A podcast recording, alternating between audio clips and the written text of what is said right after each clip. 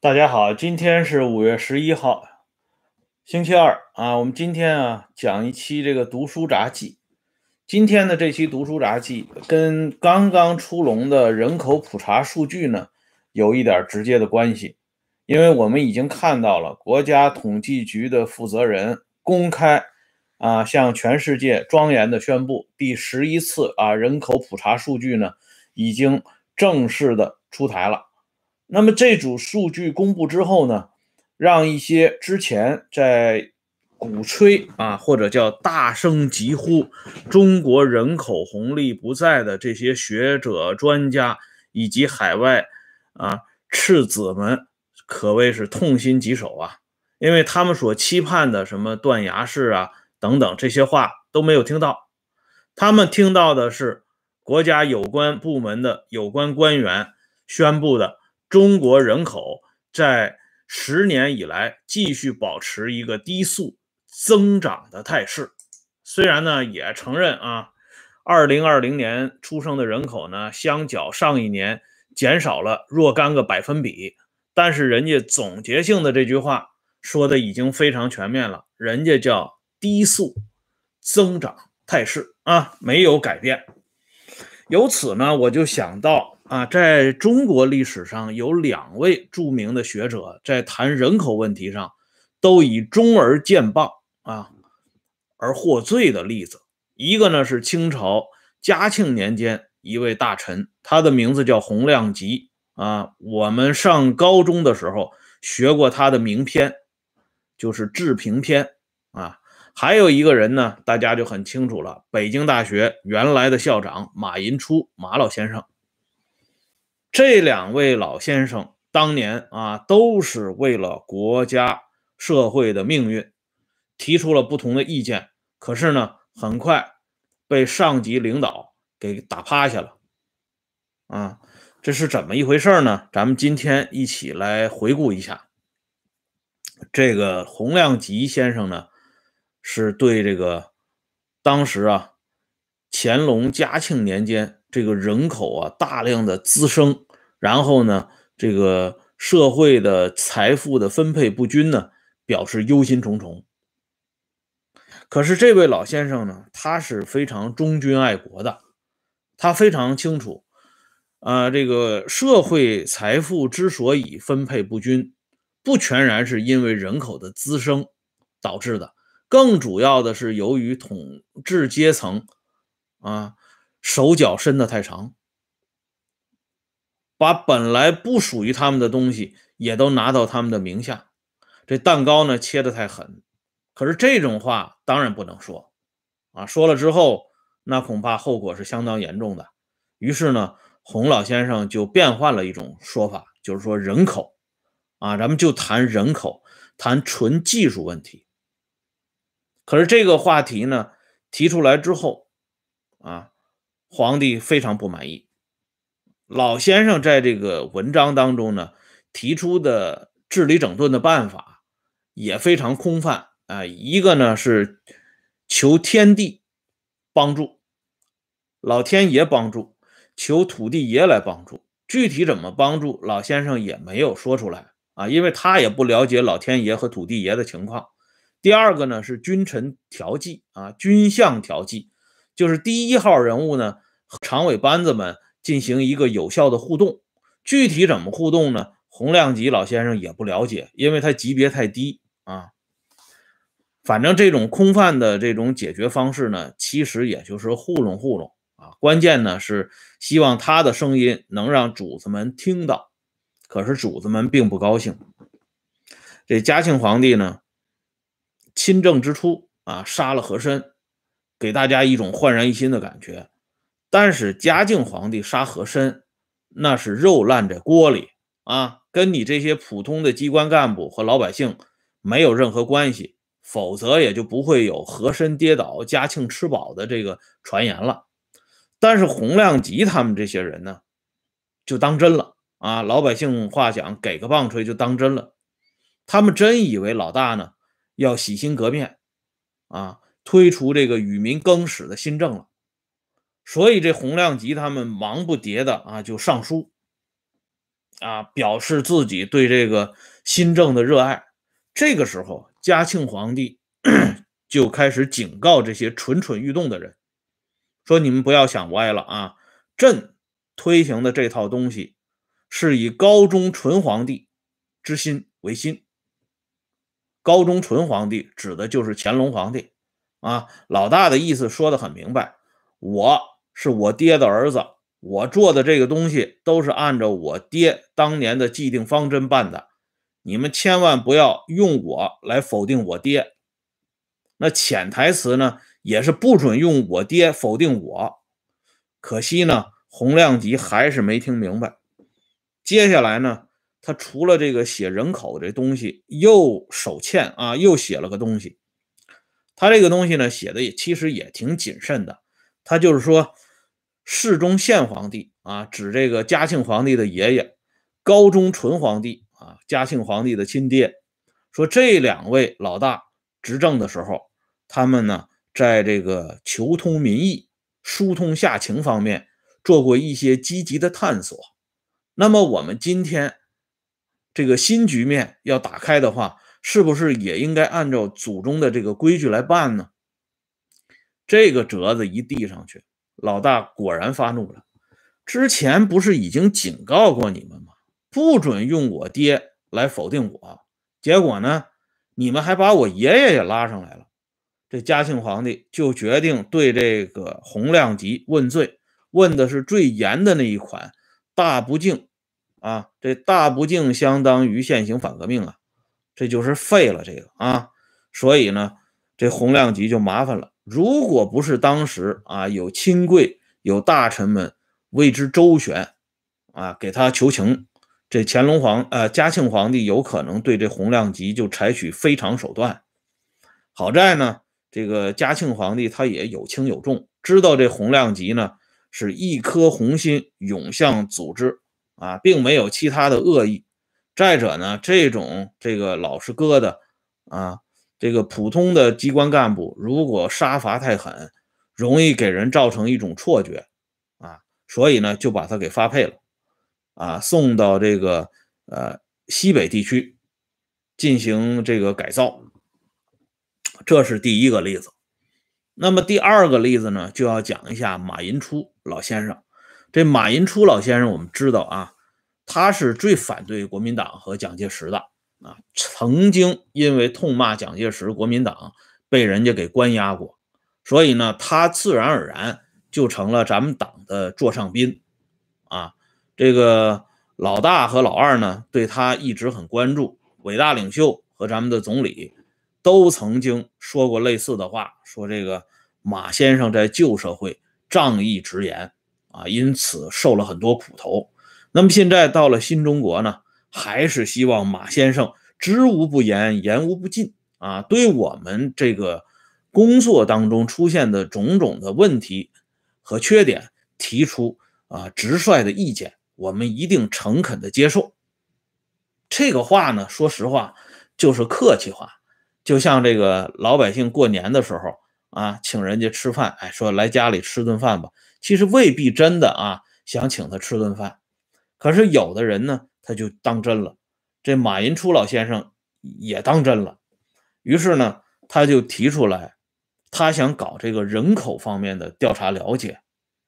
啊，其实对马寅初呢，这个中央领导同志呢，一直是属于比较宽松的啊。马寅初他喜欢喝这个外国的饮料，比如说可口可乐这种东西，呃，当时就有很多老干部看不惯，说这个啊，这不是崇洋媚外吗？放着中国的茶不喝，还要喝外国的饮料，特别是喝帝国主义出产的这种饮料，还有没有做人的资格了？这个时候呢，有一位老一辈无产阶级革命家，也是当时浙江省的第一把手，就是谭震林。谭震林就说了：“喝外国饮料有什么了不起啊？啊，这个马寅初先生只不过是要喝一点外国的饮料，你们哪有那么多话呢？”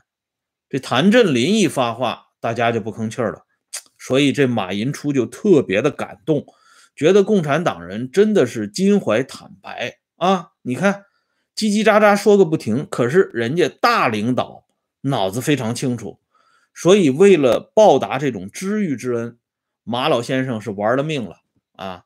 他呢到浙江去搞人口调查，浙江是他的老家嘛。他在临行前啊，他就跟周恩来打了招呼了。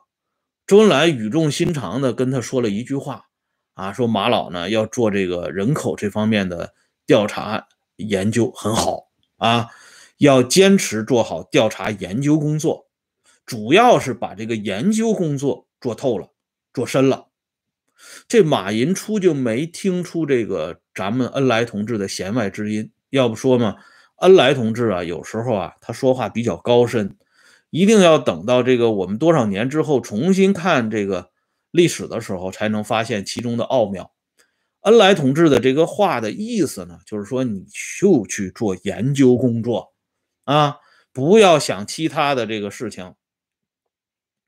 可是这马老先生呢，他居然没没听明白，他不仅呢就是到下边去调查。了解啊，而且呢，还给上级领导上书，提出这个人口增长啊，可能会对这个国家呀、社会呀造成种种的危害。而这个时候，伟大领袖正在号召人民群众热火朝天的迎接社会主义的新中国的建设的新高潮啊，正提出人多力量大的这个概念。所以，这么一封这个上书，这么一个调查报告，对于老大来说是多么的不合时宜，这也就可想而知了。所以呢，老大出着啊，本着这个承前避后、治病救人的原则啊，对马寅初呢提出了一些警告性的措施，就是说你最好闭嘴，回家呢喝那个外国饮料没问题。啊，或者是搞点这方面的研究，钻这个固执堆儿都没有问题，不准在公开场合下胡说八道啊！这马寅初呢，不知道哪根筋就犯了，不停的跟咱们的恩来同志、少奇同志打招呼啊。这个时候呢，刘少奇是出于保护马寅初的目的，跟马寅初呢部分的交了个底儿，说马老啊，在这个人口问题上发言。尤其是公开发言要谨慎，要言之有据。这刘少奇这话不说还好啊，这一说呢，说言之有据，这马老先生那根筋呢又动了。你不是要证据吗？他把这一摞子证据给送上去了，这下子把这伟大领袖给惹毛了啊！这领袖本来就姓毛，你又给惹毛了，那就更不得了了啊！这领袖呢？做了一个重要的批示，他说：“马寅初仍然向我们下战表，可以说是茅坑里的石头，又臭又硬。马寅初不愿意自己下马，我们只好组织措施，请他下马了。”这个话呢，原文出处在二零零六年第八期《炎黄春秋》上边，大家呢可以自行对照。由于老大发话之后，这马寅初的校长也别干了啊。这个相关的公开职务也都不要露面了，所以这个批判马寅初批的啊很厉害。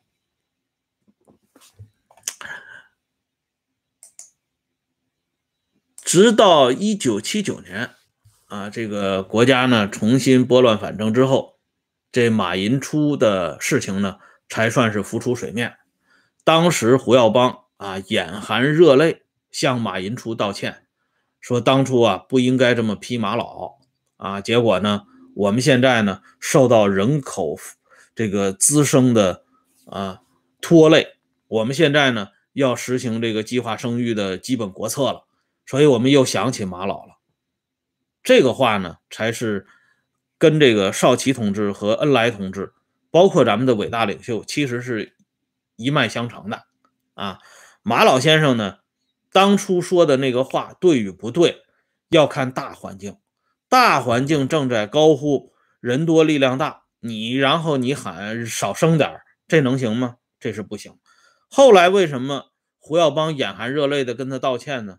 也不是说因此就否定伟大领袖啊，否定这咱们的恩来同志，而是说现在呢大环境变了，提倡了这个计划生育了，所以马老当年的那个不合时宜的声音，放在今天又变得与时俱进了啊。由此呢，我们就想到当初鲁迅先生写过的一篇文章，这篇文章呢叫《隔膜》，写的非常之好。世间呢有一种爱，就是叫隔膜。鲁迅先生在这篇文章里啊是这么说的，他说呢，这个奴隶只能奉行，不许言议，评论固然不可，妄自颂扬也不可。比如说，主子，您这个袍脚有些破了，脱下去怕更要破烂，还是补一补好。进言者自以为在尽忠，而其实是犯了罪，因为另有准其讲这样的话的人在，不是谁都可以说的。倘自以为是忠而获救，那不过是自己的糊涂。接下来，鲁迅还说一句话。清朝的开国之君是十分聪明的，他们虽然打定了这样的主意，嘴里却并不这样说，用的是中国的古训：“爱民如子，一视同仁。”一部分的大臣士大夫是明白这奥妙的，并不敢相信；但有一些简单愚蠢的人却上了当，真以为陛下是自己的老子，亲亲热热的撒娇讨好去了。其实。他们哪里要这种被征服者做儿子呢？于是乎杀掉。不久，儿子们吓得不再开口了。计划居然成功。鲁迅的这段啊，这个描述非常精彩啊。我们看一下刚才在马寅初上书过程当中，少奇同志、恩来同志的表演和表现，就像鲁迅说的那样，一部分的。是明白其中奥妙的，并不敢相信。但是有一些人呢，傻乎乎的啊，比如咱们的洪亮吉老先生，比如咱们的马寅初先生，啊，就真的把这个老大当成亲爹来说了，结果呢就被搞掉了。哎，所以这种爱呢，就叫隔膜。当初的洪亮吉、马寅初和今天这些鼓吹鼓吹啊。人口红利不在啊，什么断崖式下跌的，他们其实是一个妈生的啊。虽然呢都是匍匐在地，可是呢永远有着一颗啊向着这个上层的红心。可惜的呢是这个上层并不待见他们，他们怎么办呢？只有这个屁勇嚎啕，如丧考妣。哎，这种爱呢？就叫隔膜，也是具有咱们中国特色的这种爱啊，大爱无疆啊。好了，今天呢，咱们这个话题呢就说到这里，感谢朋友们上来收看，欢迎大家关注温相说时政会员频道，周一到周五每天都有更新，再见。